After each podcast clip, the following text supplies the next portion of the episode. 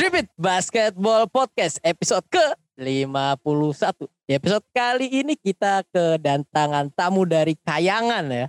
Waduh. Dari eh, yang dia rela turun gitu kan dari langit ketujuh untuk menemui kita gitu. Memberikan eh, hidayah ya. Enggak bukan hidayah sih, lebih ke ajaran-ajarannya gitu loh. Iya. Tentang bahwa sebenarnya mereka lah pencipta angka dari 0 sampai 9 ya. gue udah nyiapin nih dari episode-episode kemarin. Iya di sini selain kita berdua, gua sama Rudi Slamdang, kita kedatangan tamu dari ATCL. Apa kabar ini ATCL kalian berdua dari Adit nih? Podap, podap. Weh, Bang Rana ternyata. Sebenarnya bukan gue sama Abi naik, eh bukan gue sama Abi turun ya. Kita diangkat ya Bi ya sebenarnya. Iya. Waduh, waduh, waduh. Gila lu sama Monjo Monjo Tripit. Yo, Jangan gitu dong. Kan yang yang di spesial episode ke-100 nya Box Out kalian ya. Luar biasa. kita kita lagi nganterin bajunya gampang ketinggalan. Oh. ini Ditarik ya langsung ya. kebetulan nih Ah, kebetulan. ah, ah, ah. Nah ini eh, kabar dari Adit baik ya ini ya. Alhamdulillah. Ngantuk dikit sih sebenarnya. Oh iya, iya. sama ya. Kita kita emang rada. Puasa, Puasa. jadi bawaannya ngantuk. Oh. Pu- Puasanya Iya. mu- bukan di luar negeri ya, tapi ya mungkin masih belum buka gitu kan. Kayaknya pas bulan puasa olahraga malamnya berkurang kayaknya Dit ya.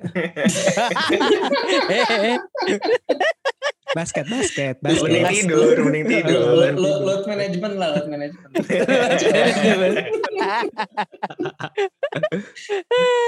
Dan yang ini ada satunya lagi ya, the one and only Abindra ini. Apa kabar nih, Bung Abi? Api, api, api, bos api. Eh, iya. eh, alhamdulillah yo. Alhamdulillah yo.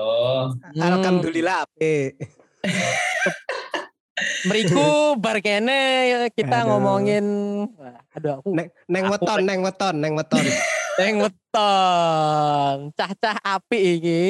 Iya, iya, Gue iya. ngomong apa sih? Ya udahlah. Pokoknya yang jelas di episode kali ini sebelum kita mulai openingnya, kita bakal ngobrolin tentang karena memang sudah mendekati waktu playoff gitu.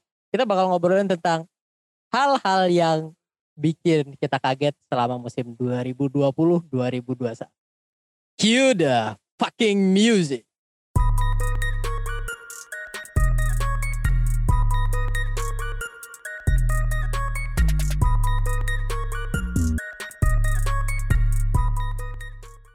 Ya kembali lagi ya. Setelah ibaratnya ini ATTL ini gue tuh mau bikin perumpamaan gitu. Waktu dia diundang ke mana di box out itu ya ke episode spesial 100 gitu ya. Ya padahal gue masih belum selesai masih setengah jalan juga dengerinnya gitu. Kayak nonton Justice League. Iya kayak Justice League. Justice League. ini Ranakat ini Ranakat ya. Spesial. Iya gitu. Ibarat tuh gue ngomongin yang episode kali ini itu dibanding dengan yang dia baru bintang tamunya gitu ya, bin- jadi bintang tamu di box out gitu. Ibarat kayak speechnya Martin Luther King gitu kan. Nah itu ada speechnya orang setelahnya gitu. Lu inget nggak siapa? Gak ada yang inget bos. Gak ada yang inget. Itulah kita sekarang di episode ini gitu. Ibaratnya kayak ini ya, kayak Yuri Gagarin gitu kan ke bulan gitu. Nah, yang satunya lagi di belakang Iya. Yuri, Yuri Gagarin itu nggak tahu siapa gitu kan. Iya, iya, nyetir kan Yang ngintilin di belakang juga nggak tahu siapa. Pokoknya Yuri Gagarin aja yang ke bulan gitu. Kan nggak dia doang. Bener banget gitu loh. Ini emang jadi makanya kita luar biasa sekali sih. Kita nggak enakan malah tegang gitu kan. Waduh. Eh, tapi makanya supaya nggak tegang kita turunin ekspektasinya gitu ya. Jadi daripada berbicara statistik kita berbicara dari hati ke hati gitu. Wah sih. Eh luar biasa kan nggak? Eh, apa yang membuat mereka takjub di musim-musim ini gitu. Ini gua mulai dulu dari Adit kali ya. Eh hal-hal yang ngagetin gitu kan selama musim NBA ini di shortened season ya, di mana banyak apa pro dan kontranya juga gitu kemarin di episode-episode tripit sebelumnya juga ada ngebahas tentang play in gitu kan tentang cederanya Jamal Murray dengan dampaknya shortened season ini gitu. Nah ini kalau dari Adit nih gimana nih? Eh hal-hal yang ngagetin menurut pandangan personal lu nih tentang NBA musim ini? Gue ngeliatnya ini ya, eh Lakers sih. Kenapa? Wah. Karena kalau misalkan kita ngelihat dari gimana Lakers eh, berangkat ke musim ini ya, dari season Mhm. kemarin yang akhirnya juara gitu, kan bisa dibilang season kemarin itu, gue juga udah beberapa kali bilang itu timnya LeBron yang eh, the most eh, well built LeBron's team ya. Gara-gara Benar, benar, mungkin mungkin bukan pemain-pemain yang paling bagus gitu ya di posisinya Hmm. masing-masing gitu loh, tapi considering LeBron itu he is the system gitu kan. Ya basically Hmm. lu tahu orang-orang yang ada di sana, orang-orang yang cocok dengan sistemnya dia gitu kan. Ya meskipun Hmm. tadi uh, bukan pemain-pemain paling bagus dan ya gue juga tidak akan tidak akan apa namanya uh, menghilangkan fakta bahwa ya ada asterisknya lah gitu kan di uh, apa namanya uh, juaranya Lakers kemarin gitu. Cuman Iya. begitu masuk ke season ini kan bisa dibilang pas uh, off season ya ini uh, benefit of hindsight juga gitu kan. Ah, Uh, bisa dibilang kan pemain-pemainnya upgrade ya. Ya lu datengin bener Schroeder bener bang. yang abis uh, dari apa namanya di Thunder sebelum ke Lakers itu kan ya having a breakthrough season juga main bareng Chris Paul kan.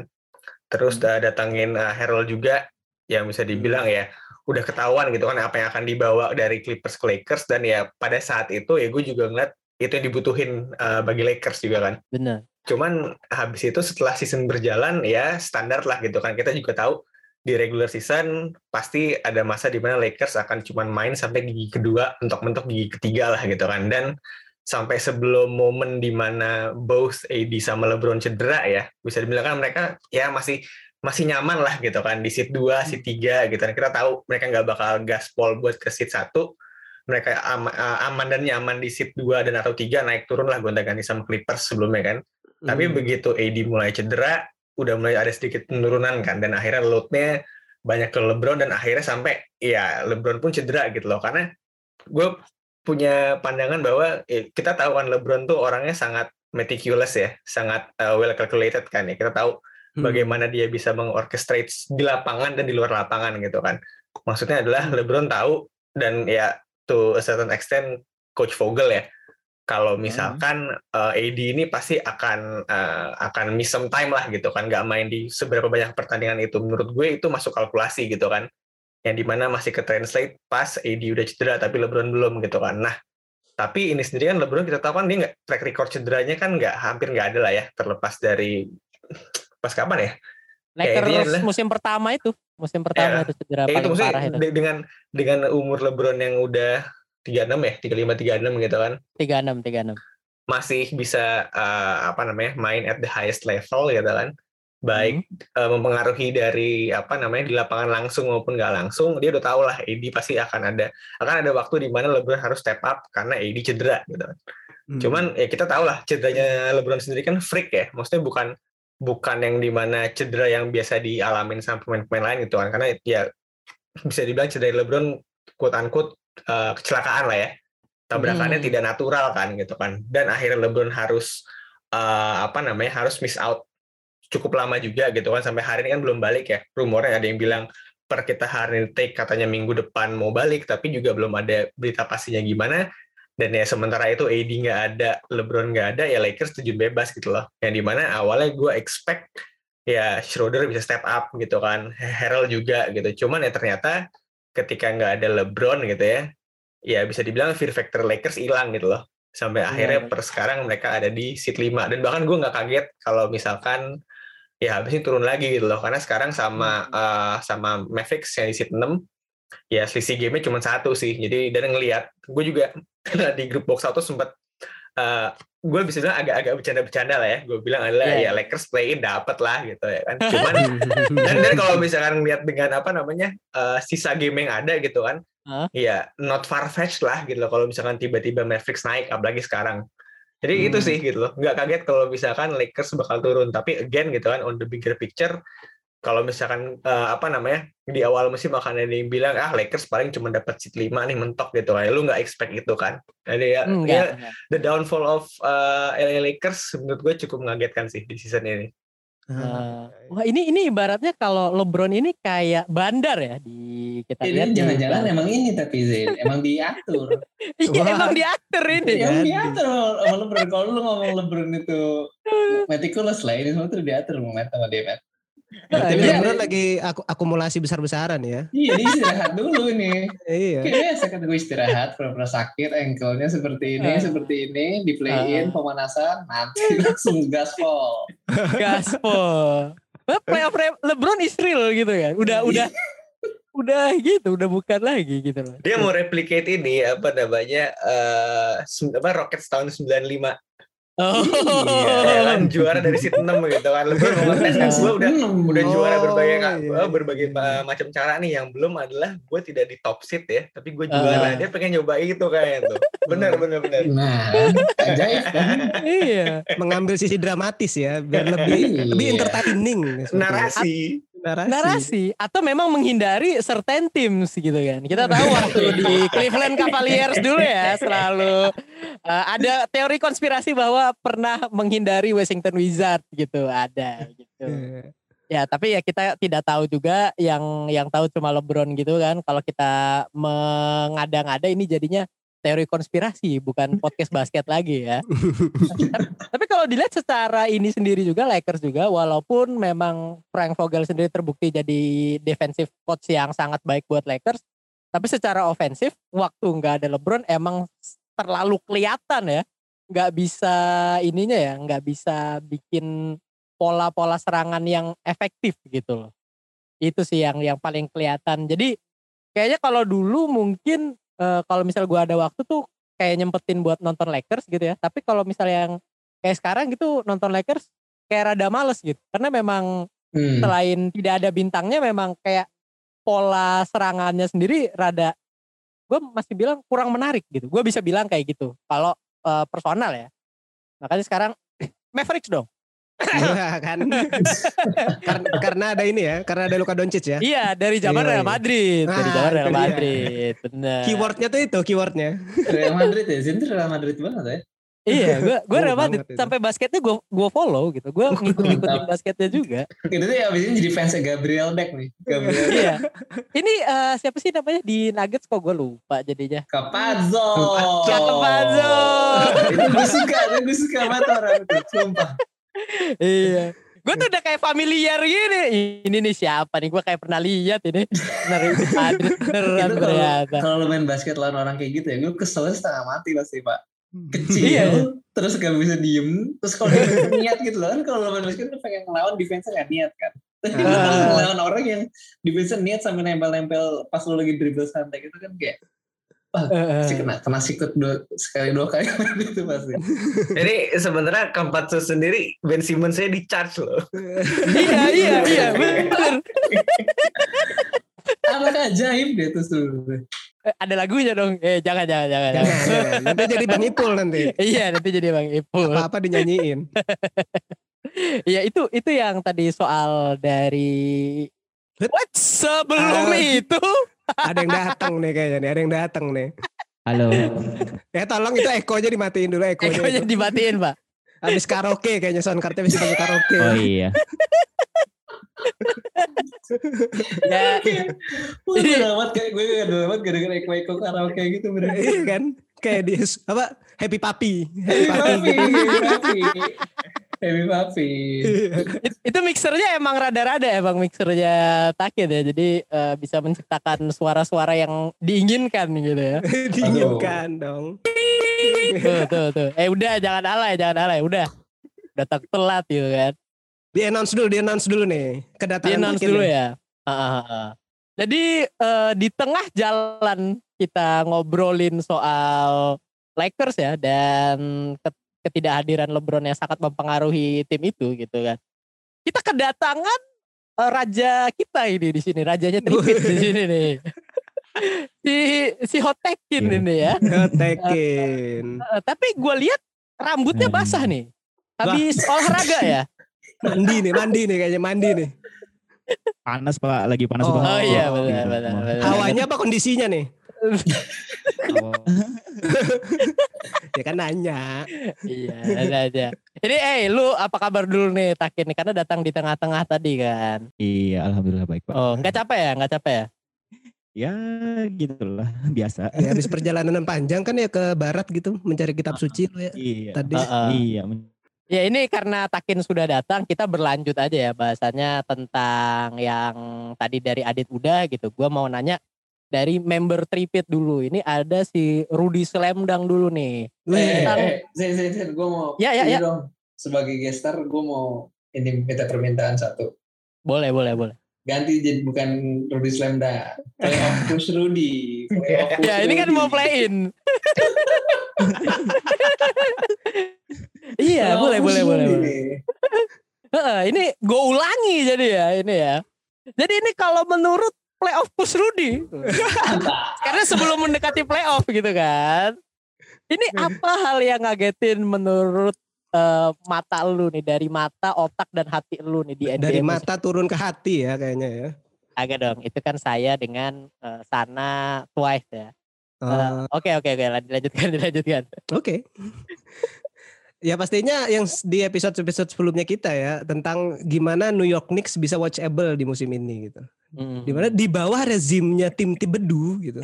Dengan apa kerja Rodinya tuh bisa menghasilkan eh, prestasi yang sampai sekarang New York Knicks lumayan ini ya eh, win rate-nya gitu. Lumayan Eh. bagus lumayan signifikan dari musim sebelumnya. Dan Peringkat tempat pak. iya sih lagi home advantage juga loh. kan. Sampai saat Eh ini. peringkat empat atau dua sih sekarang? Pering- Peringkat empat pak, peringkat empat. Empat ya, empat. Nah. Jadi dan juga satu lagi dalam New York Knicks itu ada ini Julius Randle yang mana musim kayak ada transformasi besar-besaran di Julius Randle. Lebihnya di game sense-nya sih yang gue lihat. Itu sih yang yang eh, apa ya yang mengagetkan gitu, mencengangkan kalau seorang Julius Randle yang biasanya kerjanya tubruk-tubruk aja gitu dia mulai mikir. Nah, di situ. Wah ini nih, Anda berarti beranggapan bahwa Julius Randle mainnya dulu-dulu nggak mikir berarti ya? Ah, dulu pakai ini dia, pakai intuisi. Oh, pakai intuisi. Ambil ya. aman, ambil aman ya. Itu yang jelas karena bahasanya New York Knicks ya, jadi emang nggak nggak panjang juga karena udah kita Mm-mm. bahas eh, secara tidak panjang juga di episode sebelum sebelumnya gitu. Iya, Gue sebenarnya kan gua episode gitu. gua mau ngangkat New York Knicks biar nanti yang denger denger ke episode sebelumnya itu sih. Oh iya, naikin Iya. pendengar gitu ya. Iya. Dari ATTL ke New York Knicks gitu. kan gue fungsi gue di sini kan mempromosikan promosikan promosikan gitu Iya. Memang melakukan push ya seperti playoff push tadi ya. Eh, iya, Iya. itu itu tadi soal Knicks ya yang eh, yang mana juga kita udah obrolin juga gitu kan bagaimana eh dikdayanya New York Knicks gitu yang kalau gue lihat sendiri juga Kis ini musim ini lumayan ketat ya persaingannya ya dari ya senggangannya dari peringkat 4 sampai peringkat 8-nya lah. Masih tipis-tipis gitu Hmm. buat buat persaingan peringkatnya gitu. Dan karena udah gitu ngebahas isnya kita bakal beralih nih ke manusia yang telah menciptakan angka di muka bumi ini. Gitu. ini ini yang mengajarkan al kawirismi al jabar ya kalau nggak salah Ah, bener banget. Ibnu Sina, Ibnu Rosid itu kalah udah ya. Ibnu Rosid siapa weh Ibnu Rosid siapa Aljabar siapa sih? Kok gue lupa. Ya itu tadi Itu tadi udah. Oh, Iya, Kawarizmi. bener. Ibnu Sina bukannya dokter ya Oh bukan ya? Iya. Medicine itu medicine. Pak dulu. Medicine. Iya, buka dulu in Iya. buku SKI-nya. Iya ini nih kalau dari Abi ya. eh menurut lu nih yang paling ngagetin lah dari mata lu nih. Karena kan tadi kalau waktu kita briefing juga kan ada beberapa ya yang kayaknya perlu dibahas juga gitu. Eh Hmm, hmm, hmm. karena udah udah salah satunya emang udah ada dibahas di box out episode 100 ya. Kita kembali lagi kita adalah orang dua setelah Martin Luther King. Iya. Tidak ada yang tahu itu siapa. Jadi ya udah gitu. Saya bisa jadi perumpamaan kan sekarang. Oh iya, iya. At least. At least bener. At bener. least, ya. Ya ini gimana nih dari dari lu nih Bi? Gue tetap on the top of my mind di, di yang pikiran pertama gue adalah itu oke sih sih maksud gue kemarin udah dibahas juga tapi ya bagaimana mereka di awal musim bisa ya tiba-tiba menang beberapa game berturut-turut kan terus juga um, kayaknya sempat winning record juga Hmm. dan ya, dengan pemain ya lu masuk awal-awal SGA terus Hmm. Rudort, Grant Hill, Hmm. Al Horford, Pokusevski kan, Kendrick Williams itu itu maksud gue kayak ah, ini mentok-mentok di ya aku kira nggak nggak akan bisa di papan tengah dulu di tengah-tengah. Tapi dia waktu itu sampai All Star break tuh masih berjibaku lah. Bahkan masih megang di play in spot kalau nggak salah atau si tujuh tapi maksud gue ya itu yang paling mengejutkan ya. Tapi ya sekarang mereka sudah kembali ke ranahnya masing-masing. Udah udah 14 kali kalah berturut-turut dan itu tidak mengejutkan. Tapi mungkin yang paling mengejutkan adalah bagaimana mereka bisa dengan cepat mengubah trajektori atau mengubah ya trajektori musim mereka dari yang terjadi di tengah-tengah langsung turun gitu. Itu hebat juga sih menurut gue ini bandarnya pada lepas ini ya. Bandarnya lepas ini. menonaktifkan El Horford terus mau main gak jelas desain. Tapi ya gue jadi menemukan Moses Brown sih di fantasy jadi gue tetap senang. Tapi ya basically itu yang itu menurut gue tapi ya detailnya kemarin udah dibahas lah. Cuman kalau daripada kayak kaset rusak satu lagi yang menurut gue mengejutkan adalah ini sih Toronto Raptors gue juga nggak nggak kenapa sejelek ini apakah gara-gara main di stadion atau kota yang berbeda jauh dari keluarga kan mungkin ya Oh. tapi Oh, kalau iya. kita tahu jagoan mereka kan ya kayak Lowry, Fred VanVleet kan benar kayak family man banget. Oh. Ya, Bener, kalau jauh bener, dari bener. keluarga ya menurut gue ya mungkin mereka kayak kangen keluarga dan kawan-kawan, kangen masakan rumah jadi dan kangen ini dinginnya Toronto kan kalau Tampa Bay itu kan rada-rada anget ya. Kalau Iya. dari dari Google Earth tuh kayak wah nih ke Florida. Jadi kayak mungkin menurut gue itu sih mengejutkan aja kayak gue ya gue sama Adit gitu di off season uh, review eh di season review juga kita bilangnya mereka transisi kan ya minimal si 7 si 8 lah dapet karena talentanya pun masih bagus itu Hmm. Tapi Iya. eh jatuh banget dan ya walaupun jadi mereka sekarang bisa menemukan ini ya menemukan beberapa apa kayak jadi ada waktu untuk menemukan pemain-pemain muda yang kayak mereka sekarang jadi lebih sering main malah Chiflin nemu Cambridge juga kan dari uh, waiver wire gitu-gitu Uh-uh. dan eh, Sama perkembangan Butcher juga bagus banget juga jadi bisa pun ini Iya. lebih lah rule lebih setuju sebelum cedera terus juga Gary Trent Junior kemarin sempat meledak juga kan di awal-awal Itu kan, dia serius. pemain favorit saya awal musim. Jinggi. gua, gua kaget sih pindah pindah ke Raptors gitu kan. Iya, dan maksudnya gue di Blazer udah Hmm. ngeliatin terus gitu loh. Hmm, Ini kayaknya hmm, oke emang nih ternyata meledak ya. di Raptors gitu. Hmm. Heeh. Iya, itu dia, tapi masih ya inkonsisten sedikit tapi ya dia anti sleep lah jadi man. Menurut Ah. basically, Anti selip ya siap siap. Anti jamur juga ya kalau nggak salah ya. Sahur juga Pak, enak dipakai. Makanya Ginder suka kan. Tapi Ah. ya, menurut gue, ya inilah eh, mengejutkan mereka bisa ada di posisi 11 ke 12 sekarang. 11 sih kalau salah. Apa ya, Ah. pokoknya 12 di East tuh kayak wah dengan talenta se ini. Tapi ya basically mereka mungkin dengan mudah tahun depan bisa begini ya. Flip the switch. Enggak, tapi gue pengen pengen nanya deh sama sama lu deh. Apakah emang perlu ada tambahan pemain-pemain yang eh, sesuai kebutuhan gitu buat ke depannya gitu? Apa yang supaya bisa dibenahi gitu? Kalau kalau dari lu nih, Bi.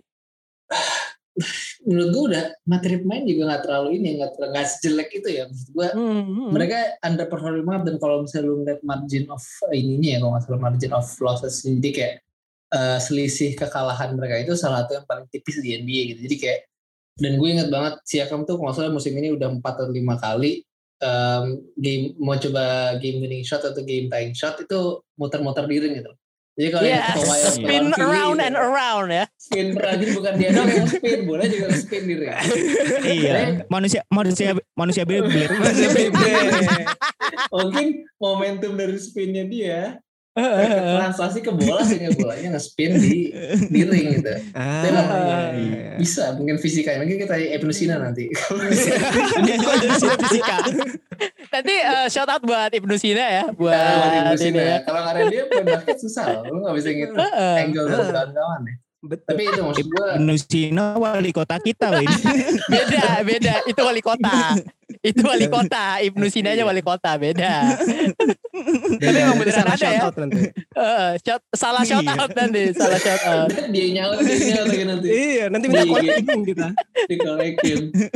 ya maksud gue ya gitu sih. Nggak menurut gue nggak butuh baik, tapi menurut gue mungkin butuh lebih baik cuci tangan atau lebih baik doa sih. Itu doang. Main menurut gue udah udah lumayan oke lah. Tapi ya Hmm, berat. Semoga Mhm. Cambridge bisa ini sih, bisa ngelapisin karena kalau Boucher kan yang kalau tadi si Takin bilang kan emang lebih apa ya kayak stretch stretch five dan nggak nggak sebisa Iya. bang down low sama yang kayak big big center kan. Tapi kalau Cambridge sih bisa lebih ini lah, lebih solid dikit daripada Boucher dan bisa jadi ganti style juga kan. Jadi mereka fleksibel. Iya. Ini berarti buat Iya. Toronto Raptors sendiri yang di sebenarnya yang diperbanyak itu adalah ibadahnya ya. Kita Nah, melihat Ibadah, memang eh, karena ini ya kayaknya waktu dari juara gitu kan lupa diri gitu kan. Jadi mungkin kayak mungkin. lupa sholat gitu. Kalau enggak Jadi eh, jumawa, jadi jumawa. Jumawa. jadi jumawa. di atas gitu. angin mereka. Mungkin atau Eh. Fred VanVleet perlu bikin lebih banyak anak lagi karena waktu itu dia Iya. juara. Oh iya. Dia perlu bikin anak lagi nih. Kalau nggak salah motonya kan banyak anak banyak kering ya, bukan Nah, dia banyak anak banyak nih. Papa VanVleet, ya gitu lah menurut. Bisa, bisa, bisa, bisa. Eh tapi ada kayaknya ada satu lagi deh yang lu miss ini nih buat pembahasan yang eh, bikin lu kaget nih. Tadi kan ada di catatan gua nih eh, tentang rookie ya. Maksudnya Hmm. ada unexpected rookie-rookie yang mau lu mention di sini nih.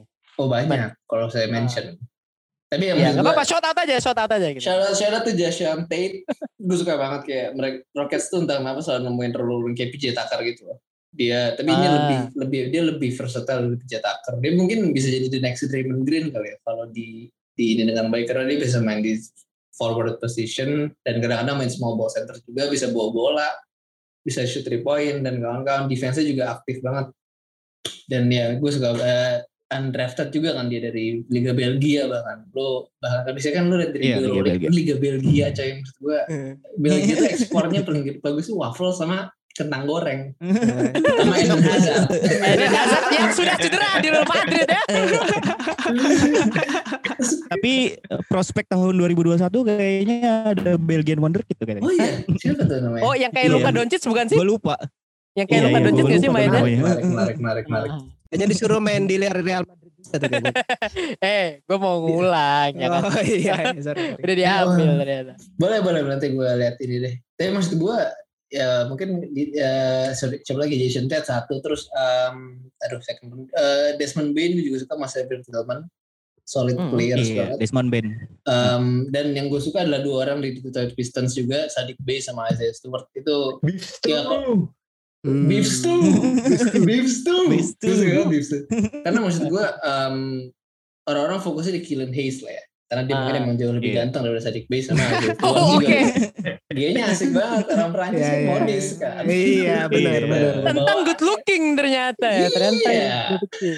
Gitu. Di awal-awal digadang-gadang Kylian Hayes bakalan jadi bas ternyata perkembangannya bagus juga sekarang nih akhir-akhir ini. lumayan lumayan lumayan Apa- di kalau iya. nggak salah 5 game 6 plus apa sih apa 6 game 5 plus assist lupa tapi itu the first rookie since Grant Hill Hmm. di Oh, Detroit iya. kan. Uh-huh. jadi ya future's looking bright lah for uh, Killian Hayes Hmm. tapi Sadik Bey sama Isaiah Stewart itu yang kayak kalau Killian Hayes yang flashy passes selain di offense yang kerja keras Iya. gulung gulung tangan tuh ya Sadik Bey sama Isaiah Stewart itu Isaiah Stewart kerjanya Iya. cuma cebok doang pak piring itu parah offensive reboundingnya ajaib banget orang itu eh, gue suka banget gue suka Ceboknya pakai air kan tapi kan. Pakai pakai air kan. Iya, masih pakai pasir.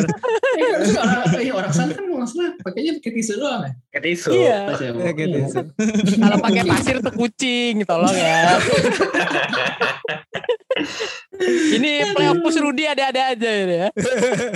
Aduh, pakai pasir. Jadi itu sih rookie-rookie yang menarik ya menurut gue tahun ini. Lamelo menarik nggak Matt? Tapi Itu baru gue, lu gak nyebut Lamelo. Jadi buat semua yang dengerin Lamelo Ball tuh pemain favoritnya Abi. Oh iya, iya. Enggak, enggak, enggak, enggak, enggak, enggak, jangan, jangan, jangan, jangan, jangan, jangan. Gue benci banget sama Lamelo. Tapi sekarang kebetulan nasib gue defensif bergantung pada Lamelo Ball. Jadi gue mau Oh, Oh, di air nih.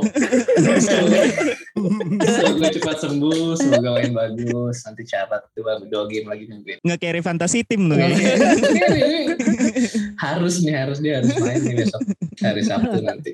tapi tapi ngomong-ngomong soal Lamelo yang awal-awal sempat jadi apa ya kandidat Rookie of the Year ya, sekarang lagi kalah ya sama kalau nggak salah Anthony Edwards gitu ya. Eh, Hmm, hmm. ini Teresa ada dari. Teresa Haliburton. Nah, Oh, Baru mau menarik mention. ini di episode kita ini buat Abi sama Adit gitu kan. Di episode kita yang hilang, Iya. yang korap di Ah. audio takin gitu kan. Kita ngomongin Rookie of the Year gitu loh. Awal-awal banget. Nah, dan si Takin itu langsung udah Tyrese Halliburton is my rookie of the year gitu. Suka gue emang hot hot Hakim ini terbaik. Hot The best, Hakim. ya. Hot Hakim ini the best. Tapi gue gue setuju sih. Dari dari eye test dari, dari, eye test Halliburton jauh lebih maksudnya jauh lebih apa ya matang lah Heeh. matang banget kayak veteran minimal ya veteran 3 4 tahun dan main di NBA lah dia Iya. se- secara social justice warrior juga dia aktif sekali Wah. Hmm. mengenaikan equality di Amerika itu Iya. jadi dia on court off court oke lah menurut gue Oke. sih Bro Hali ini Bro Ali. Gue setuju sama Berali. Takim. gue gue gue setuju sama Takim Wah ini luar biasa luar biasa. Ini emang eh, dua manusia pencipta angka ini emang ini ya eh, sinkronisasi sekarang ya. Nah ini karena udah ngomongin soal ini ya takin ya tadi udah ngebahas takin gitu kan, ngebahas takin kayak apaan aja. Udah semenarik itu ya kayaknya membahas takin ya. Nah ini eh, gua gua alihin gitu ke takin gitu kan soal eh, hal-hal yang ngagetin gitu. Lu boleh be- punya beberapa poin, boleh juga satu yang eh, apa? Yang menurut lu stand out gitu. Tapi menurut lu nih si Takin, si Hot Takin ini hal yang paling ngagetin di NBA selama musim ini tuh apa? men? Eh, kalau menurut gue Sun sih. Oh. Hmm. Sun Oh. peringkat dua anjir. Gua gua Ah. nggak bener-bener nggak nyangka di dari prediksi gua palingan ya masuk ke 8 atau 7 gitu. Ah. Ternyata Wah, malah peringkat dua sekarang. Anda tidak percaya sama joki playoff Anda? Hah? Iya. Tidak percaya sama joki playoff? Enggak, masalahnya eh apa ya? Gue masih apa ya trajektorinya nggak secepat itu gitu dengan adanya Hmm. Chris Paul gitu.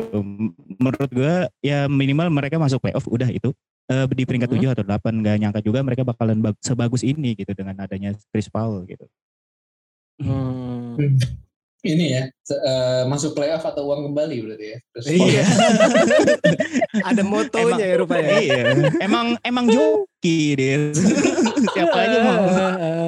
Kayaknya dari Detroit Pistons tahun depan butuh CP3 siapa tahu bisa masuk gitu. si, si Fitri kasihan tapi nggak juara-juara. Tapi eh Iya. eh, apa ya maksudnya yang ngomong-ngomong soal si Fitri juga gitu kan. Eh gue masih bingung ya dengan pilihannya gitu. Gue sempat di DM Tripit ngomongin sama Mbak Mutia juga. Bahwa kayaknya si Fitri kalau ke Miami tuh gantiin Dragic tuh oke banget tuh gitu loh. Iya. Tapi kan kenyataannya tidak terjadi gitu loh. Dan akhirnya malah milih Suns. Yang mana juga sempat kita ada narasi ya bahwa permainannya Devin Booker itu tidak convert to winning gitu. Nah sekarang udah pada diem karena kan udah ada dan eh apa ya jadi udah masuk playoff juga gitu. Eh. Tapi yang gue penasaran nih, gue pengen nanya kalian berempat deh. Kalau misalnya ini gue ada dengar podcast di ini Nodang Ing gitu kan. Tapi gue jadi pengen nanyain ke kalian juga gitu. Kalau misalnya si Fitri somehow dengan Suns-nya peringkat satu deh gitu kan. Terus ya maksudnya eh, berandai-andai aja gitu. Apakah dia bakal jadi masuk dalam perdebatan, bukan perdebatan, apakah dia bakal jadi MVP? Wah. itu, itu yang bener tuh, bukan perdebatan. Dia harus jadi MVP ya. Jadi MVP. Ah, ah, makanya. Nah, ini ini kalau kalau dari lu gimana nih, Dit? Kalau dari lu? Wah, Sesim- dikasih ngomong se- sejam ini. Biarin. sebenarnya sebenarnya sesimpel ini kan. Logiknya MVP adalah kalau gue gini, itu pemain terbaik di tim paling bagus kan. Iya, Iya. gue setuju Bener banget itu. nggak gitu kan? Kalau Iya, misalkan Suns uh, sampai di seat satu ya gitu kan. Iya, menurut gue pribadi sebagus-bagusnya Devin Booker ya di season ini Hmm. gitu kan. Tetap ya kita tahu lah gitu kan siapa yang ada di belakang situ gitu loh. Mungkin Iya. kalau misalkan uh, ngebawa apa yang ngebawa angka ya it doesn't work in CP3's favor ya.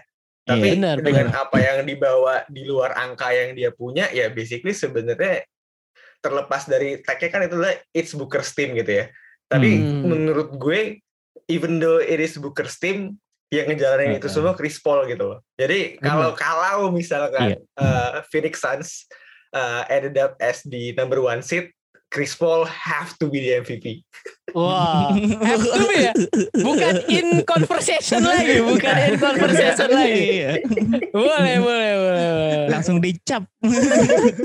Enggak, itu ka- kalau kalau misalkan jadi Adam Silver ya, gue nungguin nih Chris Paul naik Oh, iya. nih gitu. Lu seat satu Ah. kan, gitu. seat satu kan Jokic lewat, beat lewat, lewat semua. Chris Paul MVP. kan memang si Fitri yang punya nomor teleponnya Adam Silver ya selain LeBron James ya. Iya, Pak Presiden. Pak Presiden. Pak Presiden. Speed dial itu speed dial tuh levelnya tuh. Heeh, speed dial gitu. Ini Udah, ibarat udah, kayak udah udah bukan speed dial lagi, itu Chris Paul sampai beliin Adam Silver satu nomor, cuman dia doang yang bisa hubungin. Eh, tapi menarik sih kalau kalau memang si Fitri gitu karena emang apa ya banyak yang gua gua rasa gitu kan perdebatan-perdebatannya ya ini kan eh, malah jadi narasi barunya adalah ya ini dibantu Booker juga gitu dengan roster yang lebih baik gitu. Tapi udah terbukti juga walaupun selama di bubble Sun sendiri menang 8 beruntun ya 8 kali beruntun gitu kan. Booker kan di musim sebelumnya juga memang gamenya masih belum bisa gitu eh buat ngebawa timnya buat menang gitu kan itu yang narasi-narasinya ya yang gua gua baca gitu tapi tapi menarik sih tapi kalau gua alihin lagi nih pertanyaannya nih ke Takin nih dengan pertanyaan yang sama jawaban lu apa Gin? Tapi Jokic.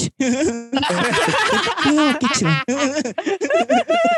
Lagi-lagi gue setuju, lagi-lagi gue setuju sama Takin. Oh, iya. gimana gimana gimana Feng Shui-nya lagi bagus nih episode. Feng Shui-nya lagi bagus, lagi cocok ya. Lagi cocok bro. Eh, Kenapa Kin? Kenapa Jokic Kin? Kenapa Jokic Kin? Kenapa Jokic? Eh ah, malah lupa iya, gua lupa poin ini. Tapi kalau ngelihat the numbers, jadi motor utama Denver itu ya Jokic gitu. Kalau nggak ada Jokic ya udah, itu tim nggak bakal jadi apa-apa gitu.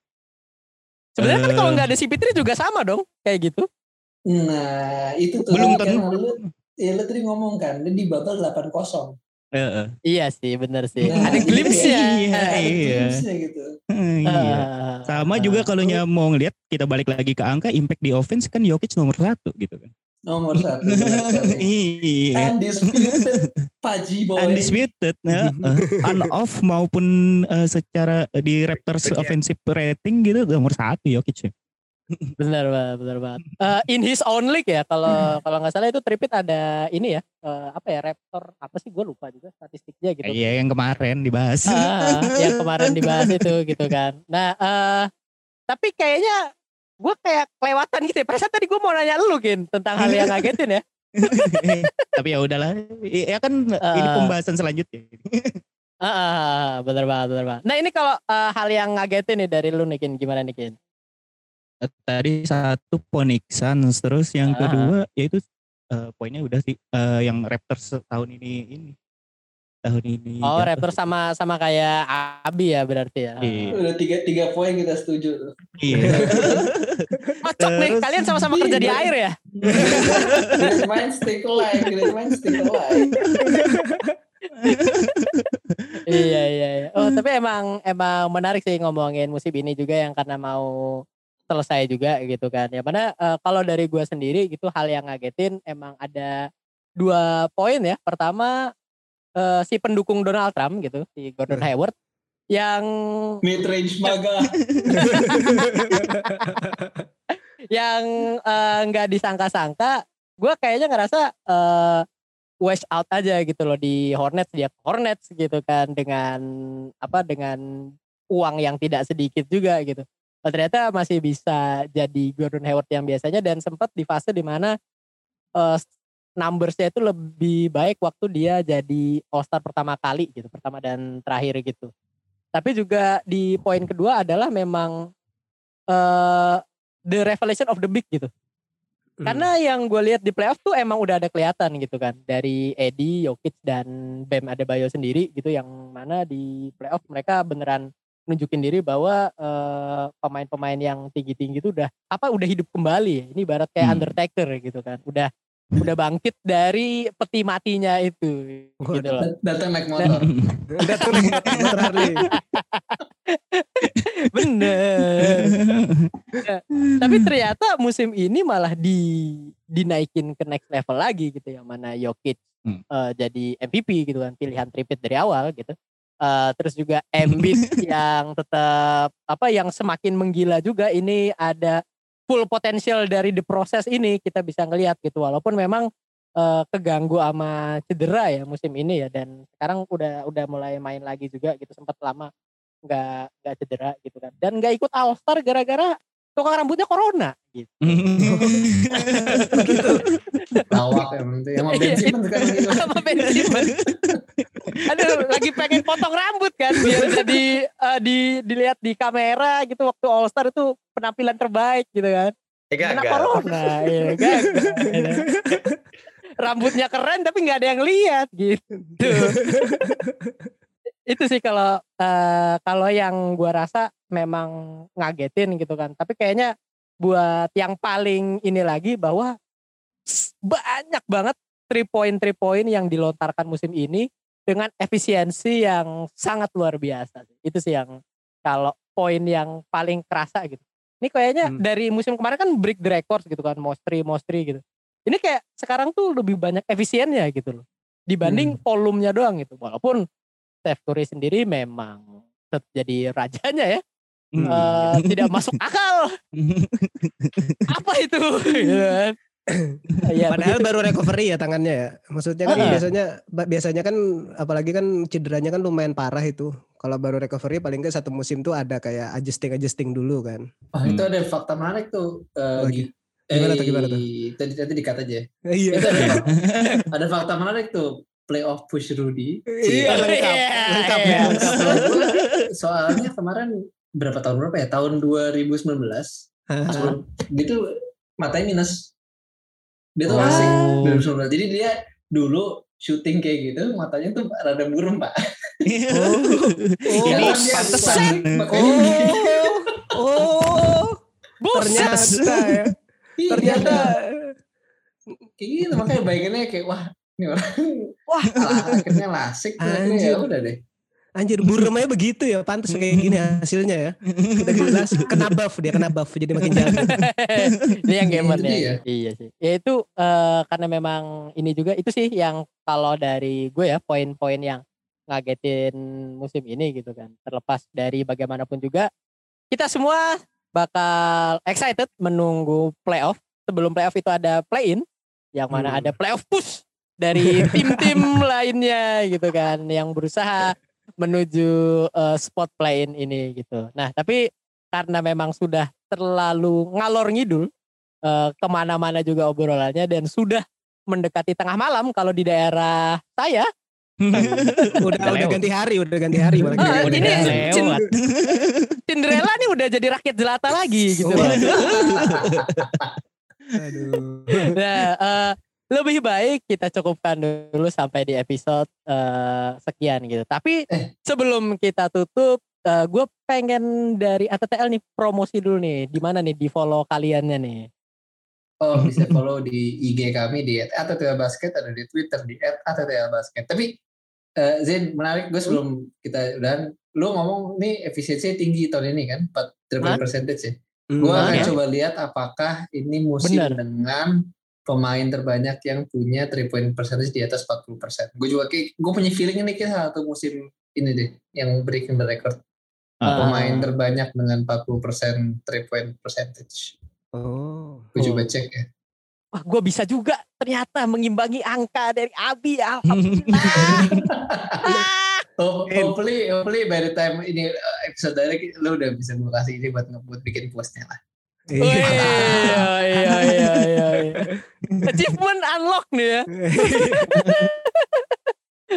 Oh berarti bener ya, berarti bener ya. Kayaknya ya, gue coba cek. Kayaknya masih Hmm. belum. Masih belum, masih belum. Tapi eh, itu ya tadi yang di follow ya gitu kan. Iya, tapi sama trendingnya emang naik-naik terus sih kalau three point Naik-naik terus Pak. Tahun ini Ah. tuh sekarang at this point ada 50 pemain yang di atas 40% shooting 3 point percentage. Itu menurut gue ajaib sih. Fucking Hmm. hell, Iya, 50. udah banyak banget itu. 50. 50. More space ya, more space. More space. We need more space. Apa-apa di Makin tree. banyak juga unicorn-unicorn. Gila, gila, bener bener makin makin unicorn nanti pasti ujung-ujungnya. iya. Heeh, Heeh, lihat aja tuh oke sih ya Poku Sepski itu. bener, bener. Poku bahaya. Ya ibaratnya kalau dari segi look ini kayak ini ya eh, profesional gamer ya kalau kita lihat itu kayaknya kalau main FIFA tuh jago banget tuh. Gua gua nggak langsung aja gue menyerah gitu kan. Udah udah udah udah nih. Dia mainnya CS pak kalau Udah, udah, CS sama. Valorant dia. Di shoutout lagi Valorant kan. Ah, pokoknya dan itu tadi dari Yang mau- eh eh eh gue mau nutup nih. Enggak, kita, tambah kita lagi. tadi kita nggak mau udahan tau. Iya. Mau bamba mau bamba aja tech tree sekarang. Oh, banget. Kasihan nih. Iya. Kasihan nih Adit udah dari tadi udah. gue liatin mulu nih dari tadi nih. Koinnya udah habis, koinnya. Koinnya udah ah, habis. gitu. Tidak habis. Nggak, Nah, karena kalau kalau kalau nggak tidur sekarang, kebangun nanti dapat ini bagian ganti pampers. Benar taktiknya dia tenang aja. Takin bisa ditanya tips and triknya ya nanti ya.